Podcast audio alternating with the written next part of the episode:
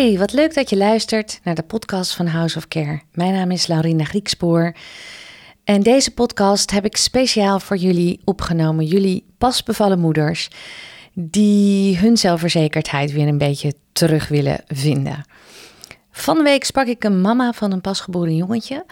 En dat was eigenlijk ook de aanleiding waarom ik deze podcast nu opneem. Zij is een goed opgeleide vrouw van 35 en ze had haar eerste kindje gekregen ongeveer een week of drie geleden. En ze vertelde me dat het haar beangstigde dat het kleine jongetje de hele dag aanstond. En ze was ook wel gelukkig, zei ze tegen me. Ze vond hem ook schattig. Maar er waren wel af en toe momenten dat ze hem het liefst, zoals zij dat zei, een uurtje terug had willen geven. Als dat had gekund. En we, maken er, we maakten er grapjes over samen. We probeerden een beetje humoristisch te blijven om het luchtig te houden. Maar uh, dat was toch wel heel pittig voor haar. En ik weet, hè, we hebben haar kraamzorg gegeven. Dus ik weet, ze woont in een prachtig huis. Ze heeft een hartstikke leuke partner. Uh, volgens mij, wat ik zo aan de buitenkant kon zien, een leuke relatie met die partner. Um, ze had het er ook over dat ze best wel veel vrienden had, een grote vriendenkring, veel vriendinnen die ook al moeder waren. En ze had een heel goede baan. En ze vertelde me dat het best wel even geduurd had voordat ze zwanger was. En die drie weken geleden um, was dus een lang gekoesterde wens uitgekomen, want ze was moeder geworden. Maar in de praktijk in de weken nadat de kraamverzorgende um, had afgesloten, merkte ze: ja, ik kan geen douche nemen of ik hoor het gehuil en gejammer van de baby. En na 35 jaar voornamelijk voor zichzelf geleefd te hebben, raakte ze daar eigenlijk een beetje van in paniek. Want dit was helemaal niet hoe ze, hoe ze het zich had voorgesteld. En wat mij opviel in het gesprek wat ik met haar had, want zij is natuurlijk niet de enige. Als jij 35 jaar ehm, voor jezelf geleefd hebt, dat is natuurlijk niet helemaal zo. Maar ik begrijp heel goed wat ze bedoelde. Dan is dit wel even een complete omkeer. En ze zei ook van, ik voel me gewoon een beetje klunzig uh, met mijn kindje. En toen ik daarop doorvroeg, waarom, dat nou, hè, waarom ze dat nou van zichzelf vond. Zei ze, ja, weet je, als ik het goed gedaan had, dan had hij toch minder moeten gaan huilen. Kortom, ik doe het niet goed. En ze zei, het wordt eigenlijk alleen maar erger. Overigens is daar een hele goede reden voor. Um, dus die heb ik haar ook verteld. Maar het effect van, van dat alles was wel dat zij zich geen goede moeder voelde. En ze zei ook letterlijk tegen me: Ik ben er gewoon niet voor in de wieg gelegd. Um, en, en ja, dat laatste is natuurlijk ook helemaal niet waar. Alleen dat is wat je dus steeds jezelf steeds meer gaat vertellen. Als je merkt, um, als je uh, gaat piekeren, als je steeds meer van die gedachten krijgt: van dit gaat niet goed. Dus um, nou ja, we hebben een tijdje doorgesproken en ik dacht, ik ga hier een podcast over maken. Want misschien ben jij ook pas bevallen en herken je dit wel. En denk je misschien ook wel van, jemig, waar ben ik aan begonnen? Of nou ja, dat het sowieso wel even heel anders is dan je vooraf had verwacht. Of heb jij ook die gedachte van, doe ik het wel goed? Zou ik wel een goede moeder kunnen zijn? Kan ik het worden? En wat je allemaal het liefste wil, ik ook, is dat je een goed gevoel hebt over jezelf als moeder. En daar ga ik je in deze podcast drie strategieën voor leren. Eerst het goede nieuws. Het is normaal. Je bent niet de enige. Je hebt geen ervaring en ik durf te zeggen, hè, je hebt geen ervaring als moeder bedoel ik te zeggen. Ik durf uh, te zeggen dat na inmiddels 16 jaar ervaring die ik heb in de geboortezorg, dat ongeveer 90% van de moeders, als ik dat zo inschat, bijna alle moeders dus dit gevoel kennen. Het is inderdaad zwaar. Er komt van alles op je af. Allemaal nieuwe dingen in je leven, in je dag, in je structuur, maar ook samen hè, in je relatie. Jouw gevoel, je gevoel over jezelf. Um, je, je moedergevoelens. Je leert een heel stuk kennen van jezelf wat je nog nooit gevoeld hebt. alles, maar dan ook alles staat op zijn kop. Zeker bij een eerste kindje. En ik weet dat zelf als geen ander. Ehm, ik heb in 2005 House of Care opgericht vanuit dit gevoel, vlak na de geboorte van mijn dochter. Want moeder worden, dat leer je niet op school. Daar is geen vak voor, daar is geen opleiding voor. Je kunt niet bijvoorbeeld je bachelor moederschap halen of zo. En dat maakt het lastig. Dus je moet het helemaal zelf doen. Met de informatie die je in de kraamweek natuurlijk van je kraamverzorger hebt gehad. Of de informatie die je krijgt, de ervaringen die je deelt met vriendinnen. Maar wat je dus hier ook zag bij deze moeder die ik um, van de week gesproken heb, is dat haar vriendinnen haar niet hebben verteld um, hoe het daadwerkelijk in de praktijk is om moeder te worden. Ze hebben alleen de buitenkant laten zien.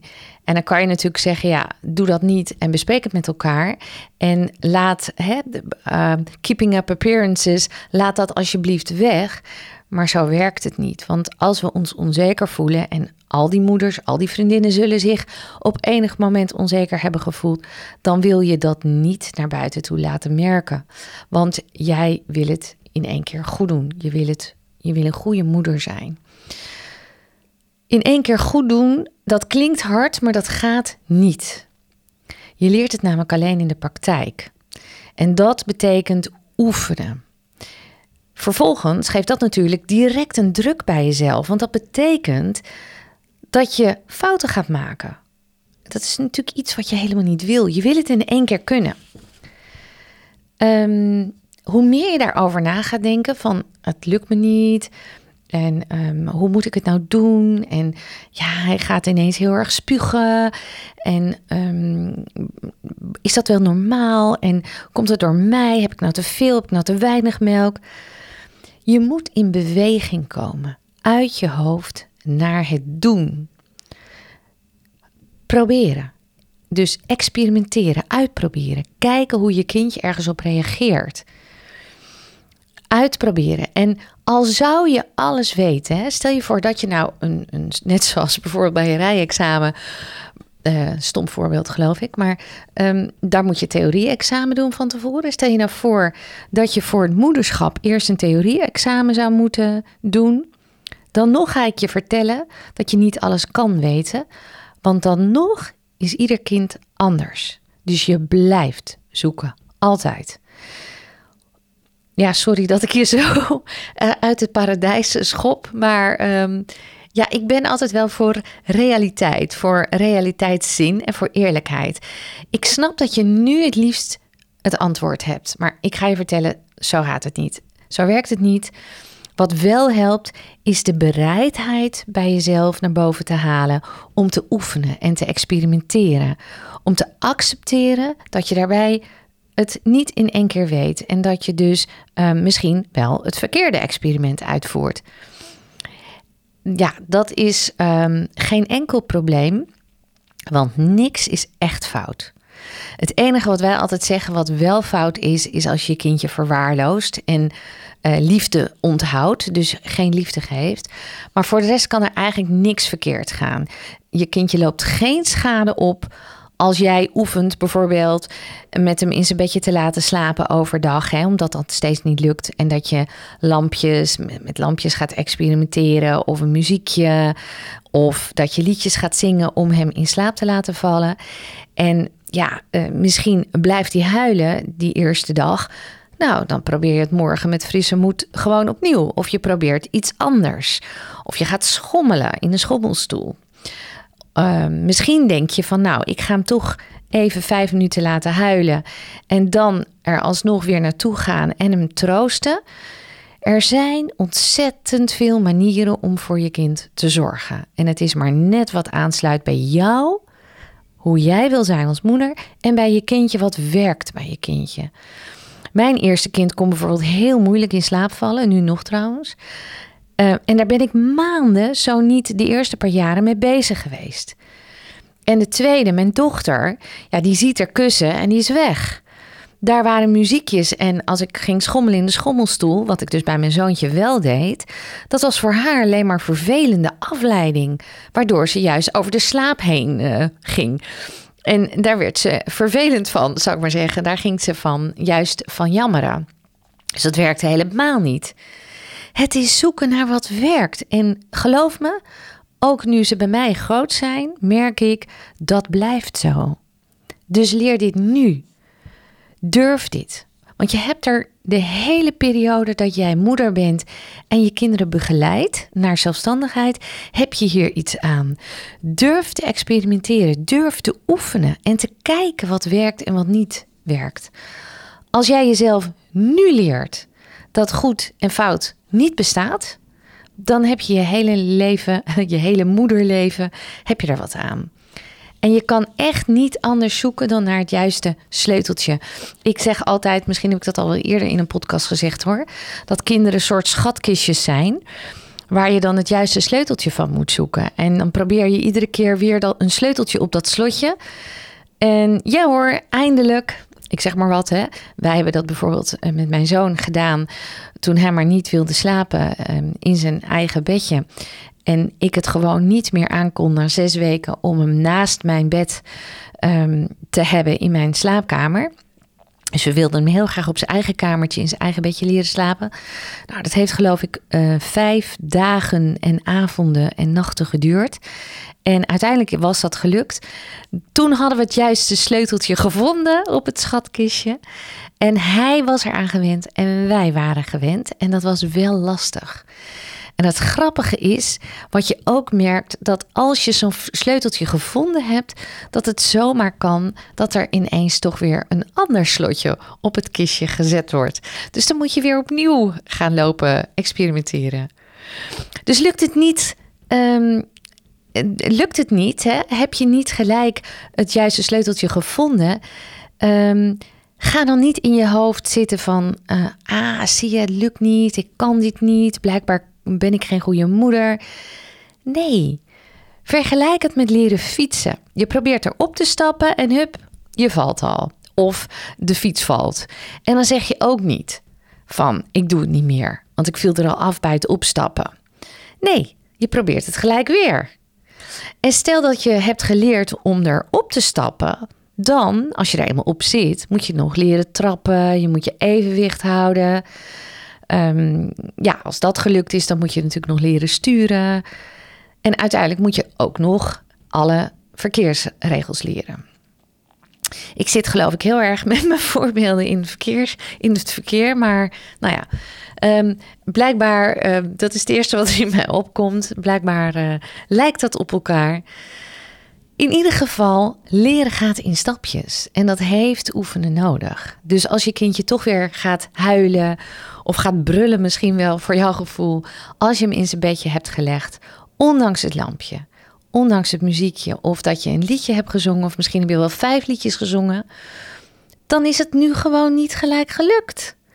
Dus ja, ga je met hem in een draagdoek door het huis lopen, dan probeer je dat. En ik weet um, uit ervaring dat het misschien morgen wel lukt of overmorgen. Weet je, en dat komt omdat hij dat liedje wat jij zingt, dat gaat hij herkennen. Dat gaat, het is net een soort van Pavlov-reactie. Als ik naar de keuken loop en uh, ik pak een trommeltje, dan weten mijn honden daar zit een koekje in. Dus die gaan direct, die komen er aangerend en die gaan al zitten. Want die weten precies wat ze moeten doen. Dus op het moment dat jouw kindje dat ritueel, dat wat jij bedacht hebt, gaat herkennen, gaat voelen, dan, dan wordt dat steeds vertrouwder. Dus ga door, want over een week lukt het je misschien wel. Je bent niet ongeschikt voor het moederschap, mocht je dat per ongeluk denken. Dit gaat je lukken. Want dit heeft iedere, iedere moeder um, dat wanhopige gevoel van, van van je fiets aflazeren. Maar dat is de bedoeling, want je moet het nog leren. En ik weet het, het is niet leuk. Maar je krabbelt weer overeind en je probeert het nog een keer. En met de lessen van die valpartij in je achterhoofd ga je het nog een keer proberen. Misschien lukt het als je nou ja, op een andere manier op je trapper gaat staan. Hè? Pak, weer even het fietsvoorbeeld erbij. Zit er lekker in. Ehm, of als je je been iets verder buigt, dan kun je makkelijker op het zadel komen. En als je blijft trappen, als je merkt dat je in beweging blijft, dan val je er niet af. Dat ga je merken. En geloof me, je gaat heus nog een, keer een paar keer vallen, want je moet ook nog leren remmen en zo. Je moet nog veel meer leren. En ik beloof je, als je 100 dagen verder bent, dat is ongeveer drie maanden, dan loop je straks huppelend door het huis, omdat je baby lekker ligt te slapen. Het is je gelukt om hem uiteindelijk in zijn bedje redelijk snel in slaap te krijgen. Ik weet het zeker, want je hebt een ritueeltje gevonden wat hij fijn vindt. Of wat zij fijn vindt natuurlijk, maar ja, ik kan niet steeds hij zij zeggen. Je weet inmiddels na 100 dagen wanneer die moe wordt. Je herkent de signalen. En je weet dat je direct moet toeslaan, omdat hij anders over zijn slaap heen raakt en dan te moe wordt om in slaap te vallen. En na ongeveer 30 dagen oefenen, ik zeg, ik, ik noem een aantal, um, ik noem een aantal dagen hè, steeds, 100 dagen voor totaal. 30 dagen oefenen voor de eerste uh, nou ja, succesverhalen, zou ik maar zeggen. Dat is natuurlijk allemaal relatief. Hè? Dat is niet op de dag af zo, maar dat is onze ervaring wat werkt met als je een bepaald ritme gaat aanbrengen. Na 30 dagen oefenen ongeveer dus, zal je merken dat het af en toe wel en af en toe niet lukt.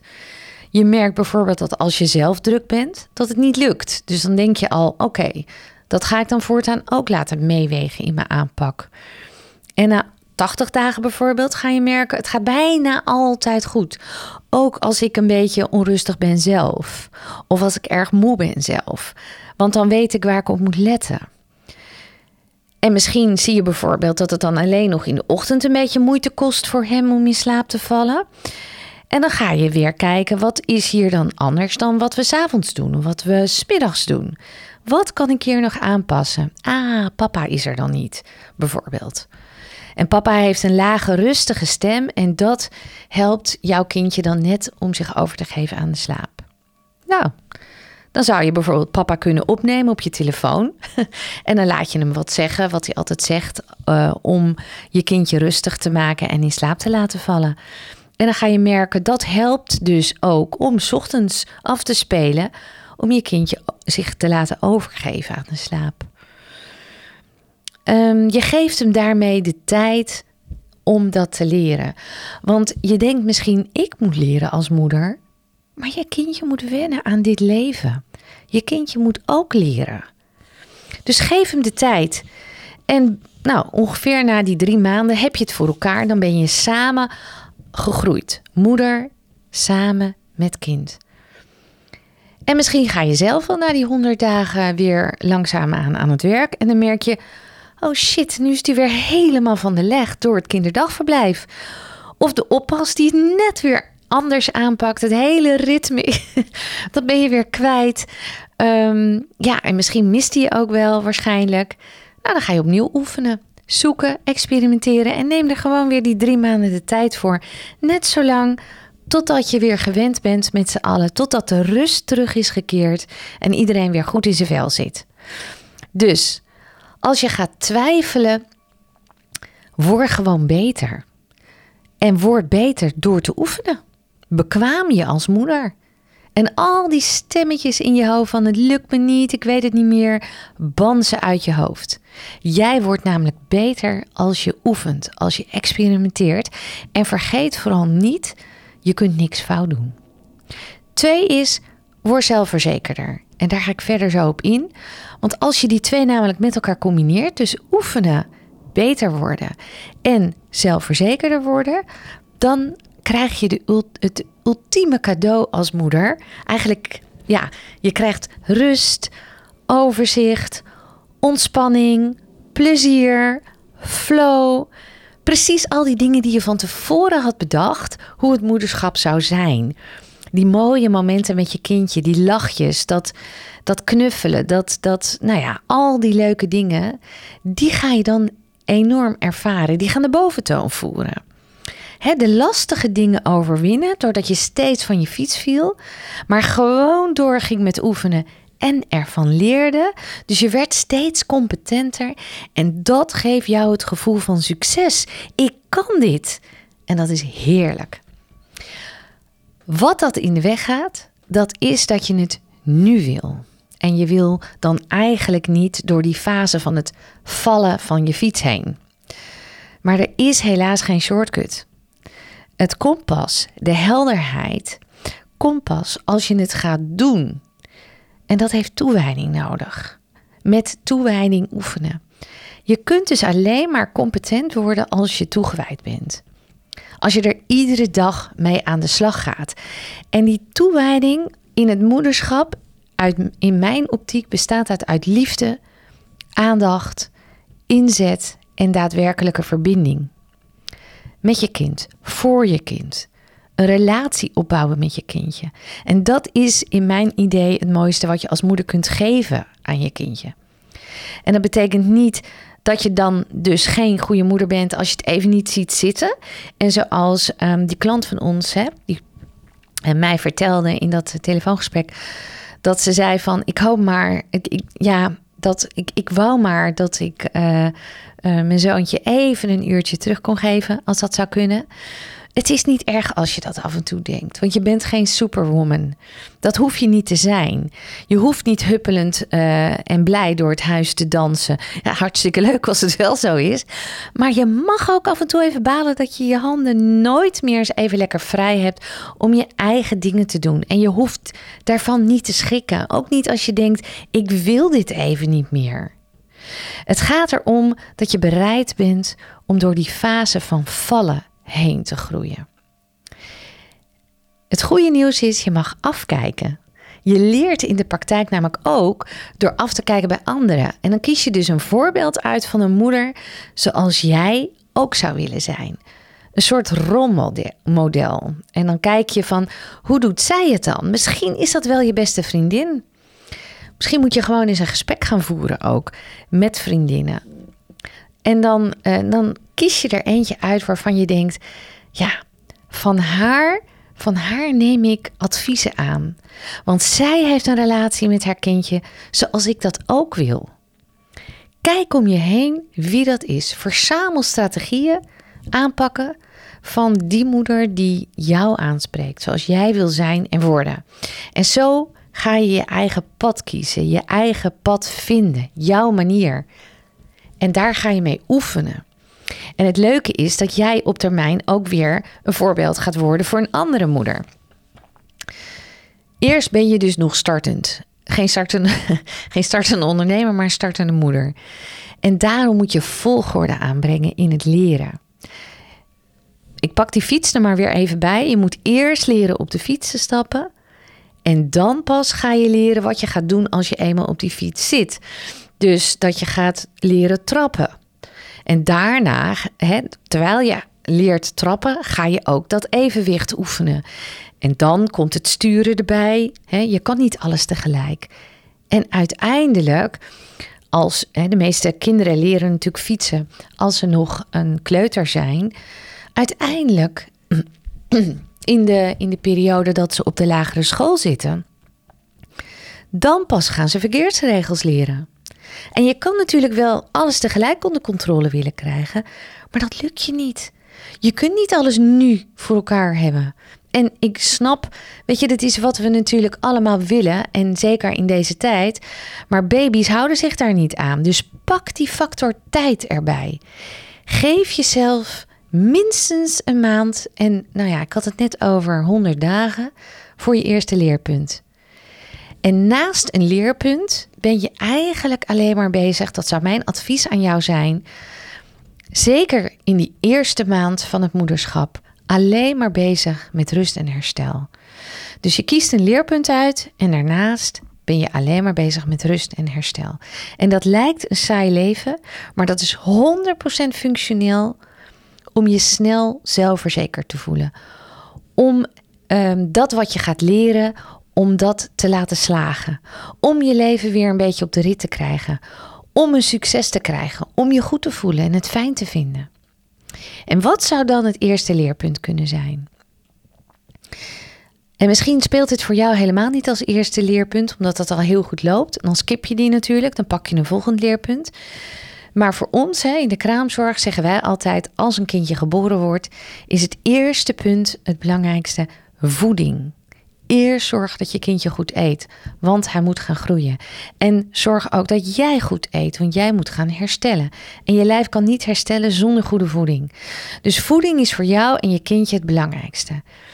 Je kindje moet groeien en jij moet op de been blijven. Dus focus je als eerste leerpunt op groei en voeding. En geef je borstvoeding, zorg dan dat daar je focuspunt, je leerpunt ligt. Als je gaat voeden, dan is al je aandacht bij de voeding, bij je kindje. Geen tv in de buurt, geen telefoon. Ik, ik weet dat het heel verleidelijk is, maar doe dat niet. Leg je telefoon weg, vooral als je die borstvoeding nog op gang moet gaan brengen.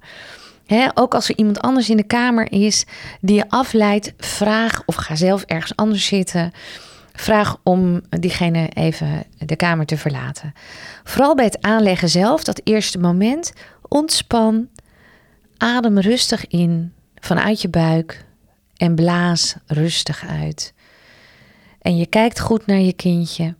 En misschien is die wel enorm aan het schreeuwen, want hij heeft honger. En toch probeer jij rustig te blijven. Inademen en weer uitademen. En vervolgens kun je ook zachte, lieve woordjes zeggen tegen je kindje. Want zo kalmeer je niet alleen hem, maar ook jezelf.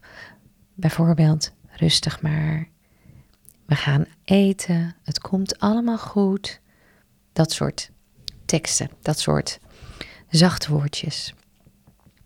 En dit oefen je bij iedere voeding net zo lang totdat het lekker loopt. Probeer die rust bij jezelf op te, uh, op te roepen. En dat breng je over op je kindje. Heel veel aandacht. Zorg dat je er helemaal met je aandacht bij bent. Kijk hoe die beweegt. Kijk hoe die drinkt. Kijk hoe die aanhapt. En als je hulp nodig hebt, dan schakel je bijvoorbeeld een lactatiekundige in. Dat is uh, een lactatiekundige is degene die verstand heeft van borstvoeding. Of als het wel redelijk gaat, maar je wilt toch meer leren hierover, koop je een boek over borstvoeding. Leer je alles over vraag en aanbod, over de regeldagen. Verdiep je erin. Hè? Dan ga je bijvoorbeeld kijken of je vraagt een lactatiekundige hoe het zit. Of je gaat kijken op internet, wat kan ik daar allemaal over leren? En dan ga je rekening houden met die regeldagen. Dan weet je dat je veel vaker moet aanleggen. Dus dan plan je bijvoorbeeld geen andere dingen of activiteiten in. Je gaat geen boodschappen ook nog doen of uh, afspraken maken. Overigens, die regeldagen, dat geldt natuurlijk ook voor kunstvoeding. Nou, en het volgende punt kan bijvoorbeeld zijn dat je gaat kijken: uh, ken ik de hongersignalen van mijn kindje? Ga je daarin verdiepen? Nou, dan, dan leg je uh, je kindje aan of je geeft een flesje zodra je kindje die signalen laat zien. En het geeft niet als je dat in het begin nog niet precies weet. Want je kindje gaat natuurlijk vanzelf huilen als hij honger heeft. Je bent aan het leren. Het hoeft niet direct perfect. Eigenlijk, als je iets wil leren, dan moet je juist falen. Want dan zie je waar het over gaat en probeer dat feit te accepteren. Oké, dus je kijkt naar je kind en je zoekt naar de signalen. En natuurlijk, je kan ook zeggen, nou, uh, er zijn nu 2,5 uur voorbij of 3 uur voorbij. Dus dan zal hij nu ongeveer wel honger hebben. Maar juist als je dat vraag en aanbod optimaal op elkaar wil laten aansluiten, afstemmen, dan laat je die klok een beetje los. En je mag hem van mij best in je achterhoofd houden hoor, als houvast. Maar het leerpunt zit hem in het herkennen van de hongersignalen. Want moet je je voorstellen hoe dat voor een kindje is? Mama snapt mij. Dat denken ze natuurlijk niet.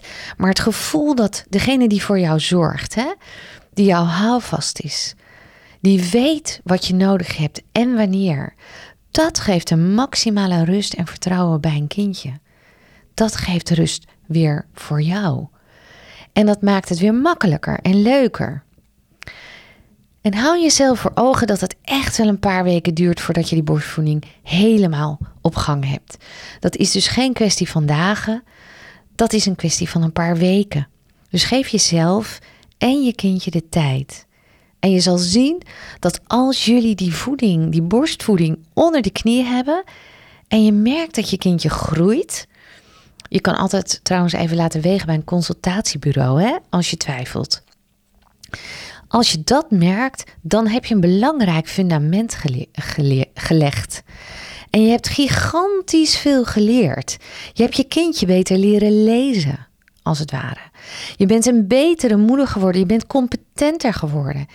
En dan kan je aandacht naar een volgend leerpunt. En misschien is dat wel het slapen van je baby. Of het huilen, hoe je daarmee omgaat. dat je weet, wat, wat heeft hij nodig? Ook hier geldt weer hetzelfde. Zelfverzekerdheid, wat je dus dan op dat punt hebt opgebouwd, dat is ook gebaseerd op zelfvertrouwen. Kun je op jezelf vertrouwen? Als dat zo is, dan uitzicht dat in zelfverzekerdheid. En op jezelf vertrouwen is in basis niks anders dan goed voor jezelf weten wat je belangrijk vindt. En vervolgens, volgens die belangrijke waarden, voor datgene wat je belangrijk vindt, leven. Wat vind je belangrijk? Als jij bijvoorbeeld eerlijkheid belangrijk vindt, hè, dat, dat dat wat je zegt dat dat echt zo is.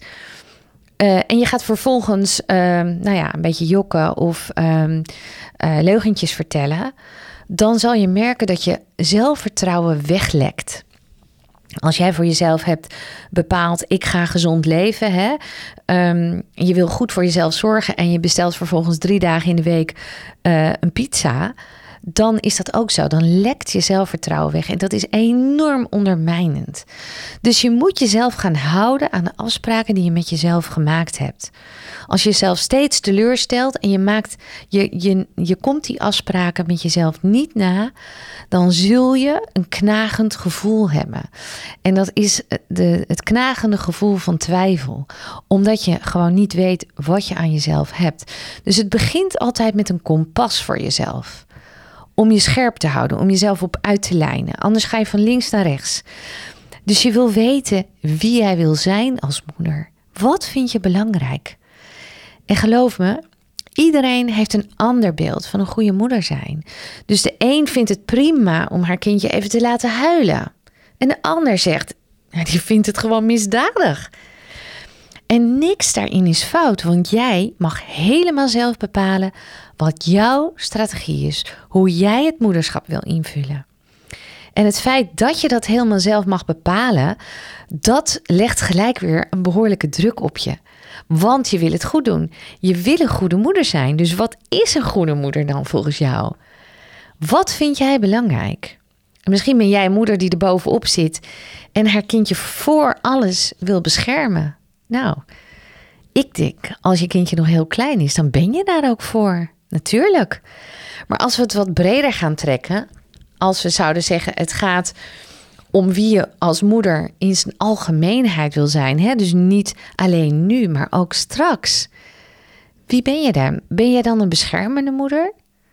Of juist een verzorgende moeder? Ben jij een moeder die gaat opvoeden, die kaders gaat stellen?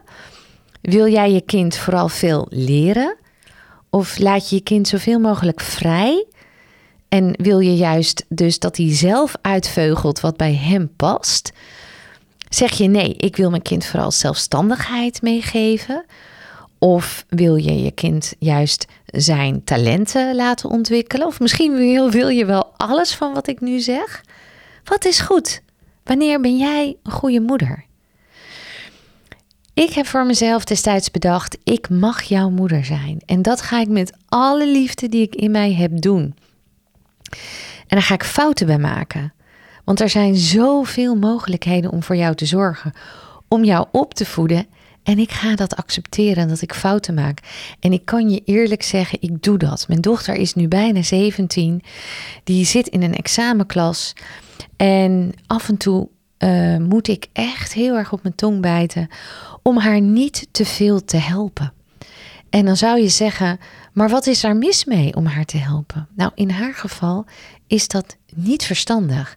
Want als ik um, haar wil helpen om zelfstandig te worden, als ik haar wil helpen om door dit schooljaar, um, wat, wat, zij heeft al een jaar lang in coronatijd les, nou dan kun je je voorstellen dat dat best pittig is.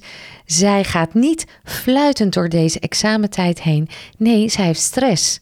Zij maakt zich zorgen. Zij heeft last van sombere gevoelens. Dit gaat me niet lukken. Hetzelfde eigenlijk als, uh, als heel veel moeders, hè? van oh jee, gaat dit wel lukken? Um, dus dat gaat met vallen en opstaan, dat gaat met dips en met, met, met uh, succesjes. En ik heb mezelf voorgenomen, ik ben haar cheerleader. Ik ben niet degene die, die de, de, de curlingmoeder die alles voor haar gaat weghalen. Want als ik dat doe, dan gaat ze hier helemaal niks aan hebben aan deze moeilijke periode. Maar ik zal je vertellen, dit kost mij zoveel energie en zoveel kracht. Want mijn eerste neiging is iedere keer om de dingen voor haar op te lossen. Maar ik wil dus van, een, van, van zo'n moeder wil ik worden naar een moeder die haar kind aanmoedigt. Die uh, haar kind uh, helpt om te leren. Die haar kind toejuicht bij successen. En die haar kind bemoedigt bij dingen die misgaan. Um, nou, en als ik dan even terug ga naar de moeder van een babytje, zoals jij misschien bent. De ene moeder zegt: ja, je moet je kindje laten huilen, want hij moet nou eenmaal een beetje huilen om in slaap te vallen. En de andere kind, de andere moeder zegt: nee, ben je nou helemaal gek? Dat is dus misdadig. Ja, nou dat kan. En dat mag je zelf bepalen. Daarnaast veranderen de inzichten ook nog eens een keer. Als je gaat kijken naar, um, naar toen ik dus net moeder was, er is enorm veel veranderd in de afgelopen jaren als het gaat om wat in de maatschappij wordt gezien als goed moederschap. En het verschilt ook nog eens een keer per land. Want in Frankrijk ziet men bijvoorbeeld de kinderopvang als het beste. Want daar zorgen experts voor je kind. Maar hier in Nederland word je met een, nou ja, scheve oog aangekeken. Of hoe noem je dat? Um, als je je kindje bij negen weken naar een kinderdagverblijf brengt. Want dan ben je gewoon geen goede moeder. En die twee dingen staan haaks op elkaar. Er is dus geen vaste waarheid. Je mag het zelf uitveugelen. Je mag het zelf invullen. Het enige wat er voor aan jou gevraagd wordt, is de bereidheid om dat uit te zoeken. Ja, en dan zijn er dus genoeg mensen die kritiek hebben op jouw aanpak. En dat kan bijvoorbeeld openlijk, doordat ze tegen je zeggen: ja, je moet hem ook gewoon laten huilen. Terwijl jij net hebt besloten dat je dat dus niet gaat doen. Of ze doen het achter je rug om en het klinkt niet leuk, maar dat gebeurt echt zo. Want misschien heb jij ook wel eens tegen bijvoorbeeld je partner gezegd: Nou, uh, hoe jouw zus haar zoontje corrigeert, dat is wel heel erg streng, zeg. Ik vind het niet liefdevol. Dus er zullen ook mensen zijn die kritiek hebben op hoe jij het doet. En dat betekent niet dat jij geen goede moeder bent. Het wijkt gewoon af van hun eigen ideeën over wat een goede moeder is. Als ze jou openlijk bekritiseren, dan zijn ze er meestal op uit om je vooral te laten weten dat jouw keuzes niet goed zijn. Of ze voelen jouw onzekerheid en ze denken jou te kunnen helpen. Wat natuurlijk niet zo is, want we noemen het niet voor niets goed bedoelde adviezen. En die ondermijnen jouw leerproces. Het is precies hetzelfde als ik adviezen aan mijn dochter ga geven. Ik ondermijn daarmee haar leerproces. Ik plak als het ware, zonder dat zij daarom gevraagd heeft, mijn ervaring bovenop haar. En je merkt aan alles dat ze daar heel ongemakkelijk van wordt. Het heeft dus ook geen enkele zin dat ik je nu ga vertellen in deze podcast, al zou ik de waarheid in pacht hebben, hoe jij moeder van jouw kindje moet zijn. Jij gaat het alleen leren door het zelf uit te veugelen.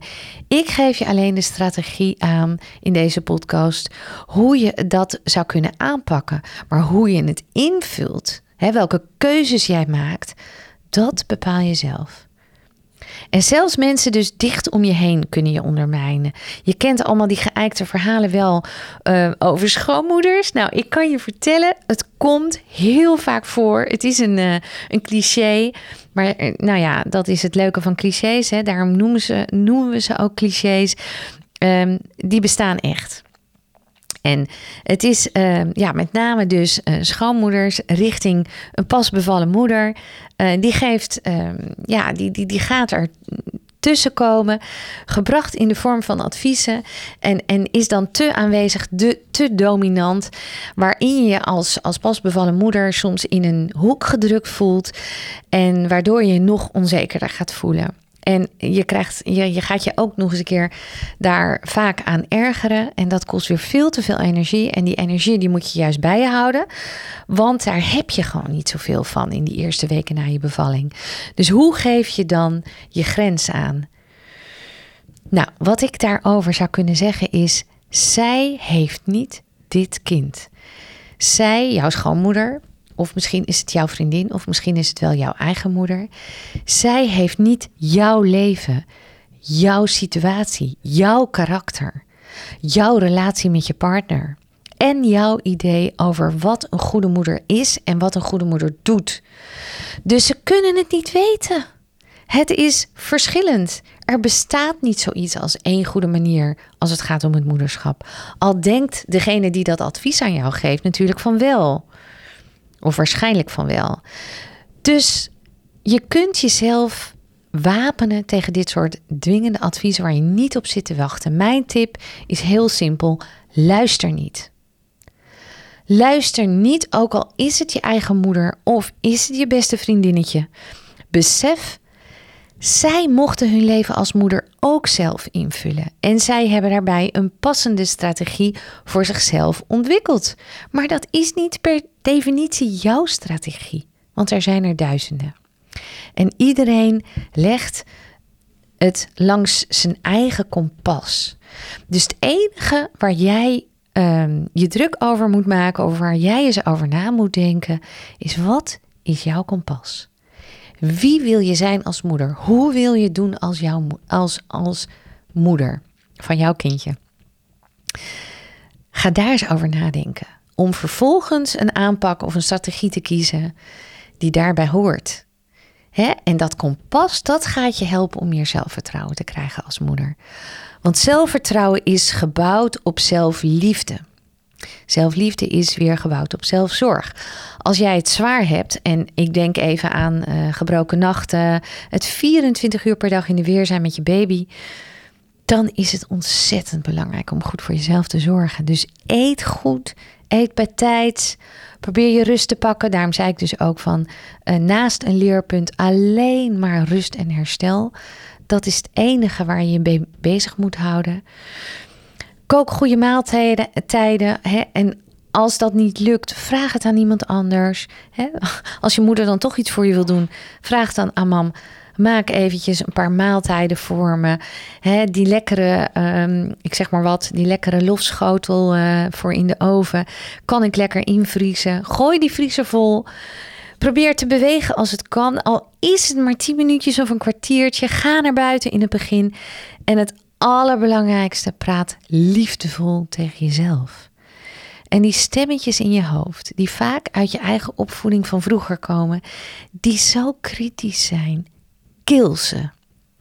Wees rigoureus, kill ze.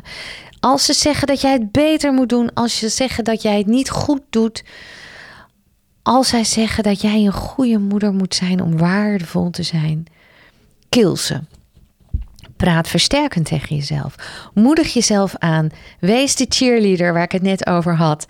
Vier een feestje als je kindje tot zes uur ochtends doorslaapt. Wees blij met iedere mijlpaal. Weer een stapje verder in jouw leerproces. In het leerproces van jullie tweetjes samen. Maar het is wel zo, je kunt nog zo positief zijn, maar als jij liefdeloos omgaat met je lijf, hè, dan zorg je toch niet goed voor jezelf. En dan ga je je dus ook niet zelfverzekerder voelen. Dus wat moet je doen als je steeds twijfelt, nog steeds twijfelt aan ben ik nou goed genoeg als moeder? Dat zijn dat twee dingen. Eén, bepaal je kompas. Wie wil je zijn als moeder? Wat vind je belangrijk en wat niet? Heb je een rolmodel? Kijk de kunst af. En twee, hoe ontwikkel je jezelf naar die goede moeder die je wil zijn? Hoe word je beter als moeder? Dan ga je die leerpunten pakken. En ik had al gezegd, ik zou zeggen als eerste leerpunt als je net bevallen bent, pak de voeding. En dan even een voorbeeld nog. Ik, ik uh, heb net het voorbeeld van het verkeer en het fietsen gebruikt. Maar um, wat ik zelf altijd een heel goed voorbeeld vind, is piano spelen. Hoe word je beter in piano spelen? Stel dat je dat wil. De oefen mindset dat is een prachtige mindset. Stel je zou beginnen met piano spelen, dan ga je dus eerst oefenen. Nou, dat in het begin, um, ik kan je vertellen, ik kan zelf piano spelen en ik heb uh, nou, volgens mij wel iets van 15 of 20 jaar les gehad. In het begin is het echt lachwekkend. Niet alleen voor jezelf, maar ook voor je omgeving, voor je gezinsleden, voor je familie. Um, het gaat voor geen meter. Je weet amper hoe je je vingers op de toetsen moet leggen. Dat zijn allemaal dingen die je nog moet oefenen. Het zit vol met fouten. Um, het maakt niet uit, want iedereen weet, ik ben aan het oefenen. En ik ben nog maar heel kort aan het oefenen. En het rare is, hè, als we dat dan weer eventjes terugbrengen naar uh, het moederschap. Zodra je dan moeder wordt, dan gooi je die oefenmindset overboord. Dan gun je jezelf dat helemaal niet. En dan moet je als het ware in één keer het tweede pianoconcert van Tchaikovsky foutloos kunnen spelen. En dat komt omdat je nu ineens denkt dat je niks fout mag doen. Pak die oefen uh, mindset terug. Je mag het wel fout doen. Het is niet slecht voor je kindje. En als je die oefenmindset loslaat, je denkt dus ik mag niks fout doen, dat is super ondermijnend. En dan gaat het je niet lukken en dan wordt het alleen maar lastiger. En dan wordt het niet leuk, dan wordt het zwaarder.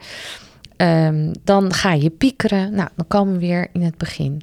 Nee, wees bereid om fouten te maken, om dingen uit te proberen. En ook om ze af te schieten. Oké, dit werkt dus niet. En echt, ik heb het al heel vaak gezegd, maar het is ontzettend belangrijk om te onthouden. Dus ik, ik herhaal hem nog maar een keer. Je kan niks fout doen, behalve je kindje verwaarlozen. Nou, en het derde punt is, bouw je zelfverzekerdheid op door fundament te leggen. Hè? Zelfliefde en zelfzorg. Dus wees lief en mild tegen jezelf, ook als het even niet lukt. Moedig jezelf aan. Kil de kritische stemmetjes in, je, in jezelf, in je hoofd. Dus één is je kompas. Welke moeder wil je zijn? Twee is oefenen, oefenen, oefenen, oefenen. En drie is goed voor jezelf zorgen en lief zijn voor jezelf. Kan je nou wat meer pep talk gebruiken? Nou, dan heb ik drie inspiratiebronnen voor je. Luister naar andere podcastafleveringen van, van ons. En um, ik heb nu alweer een idee voor een volgende podcast. Want ik zou het ook wel eigenlijk willen hebben een keer over um, dat nieuwe leven als moeder. Ik hoor namelijk heel veel uh, moeders die mij vertellen: ik mis mijn oude leven zo, ik hoor er niet meer bij, het is niet meer leuk zo. Nou, daar heb ik wel heel veel ideeën over hoe je daarmee om zou kunnen gaan. Tweede inspiratiebron is meld je aan voor onze website, uh, op onze website uh, voor de wachtlijst van onze cursus. Ik ben bezig met het maken van een cursus op Instagram voor pasbevallen moeders. Dus is je kindje um, nog geen vier maanden oud, dan is dat wat voor jou. Daarin ga ik je veel meer leren over het moederschap. Ook heel praktisch. Vanaf eind april kun je een kaartje kopen, want um, hij is nog niet helemaal klaar. Ik ben bijna klaar, maar hij is nog niet helemaal klaar. En ik ga eerst werken met een beta-versie. Um, aantal moeders die gaan hem uitproberen om hem nog te kunnen vervolmaken voordat we hem echt gaan uh, verkopen. Um, Derde inspiratiepunt is wat je ook zou kunnen doen als je daar niet op wil wachten. Maak een afspraak op onze website voor een consult bij je thuis. En dan komt een van onze kraamverzorgers een ochtend bij je langs om je verder op de rit te zetten. Dat is echt super waardevol, want dat zijn allemaal tips en trucs op maat. Dus ze gaat echt met je kijken: oké, hoe doe je dat met het in bed leggen van je kindje? Hoe doe je het met slapen? Oh, wacht, maar kijk, als je nu kijkt, dan zie je dit en dit en dit. En dat betekent dat en dat en dat. Dus nu zou je het zo kunnen aanpakken of zo kunnen aanpakken. Dus drie inspiratiebronnen, podcastafleveringen is natuurlijk helemaal gratis. Wachtlijst voor de Insta-cursus, die gaat 59 euro kosten. Maar als je nu vast aanmeldt op de wachtlijst, dan krijg je early bird tarief. Um, en het derde is, maak een afspraak voor een consult bij je thuis. Kan ook via onze website. Is overigens alleen voor mensen in onze regio Haarlem en Haarlemmermeer. En de Insta-cursus en de podcastafleveringen. Nou, al zou je in uh, Nieuw-Zeeland zitten, dan kan je dat gewoon volgen. Super leuk dat je erbij was. Ik hoop dat je er wat aan gehad hebt. Um, als dat zo is, laat het ons weten. Vind ik echt heel erg leuk. Als je nou nog meer onderwerpen hebt waarvan je denkt, nou ga daar nog eens verder op in, laat het me ook weten. Mijn e-mailadres is laurinda.houseofcare.nl. Bedankt voor het luisteren en tot snel weer.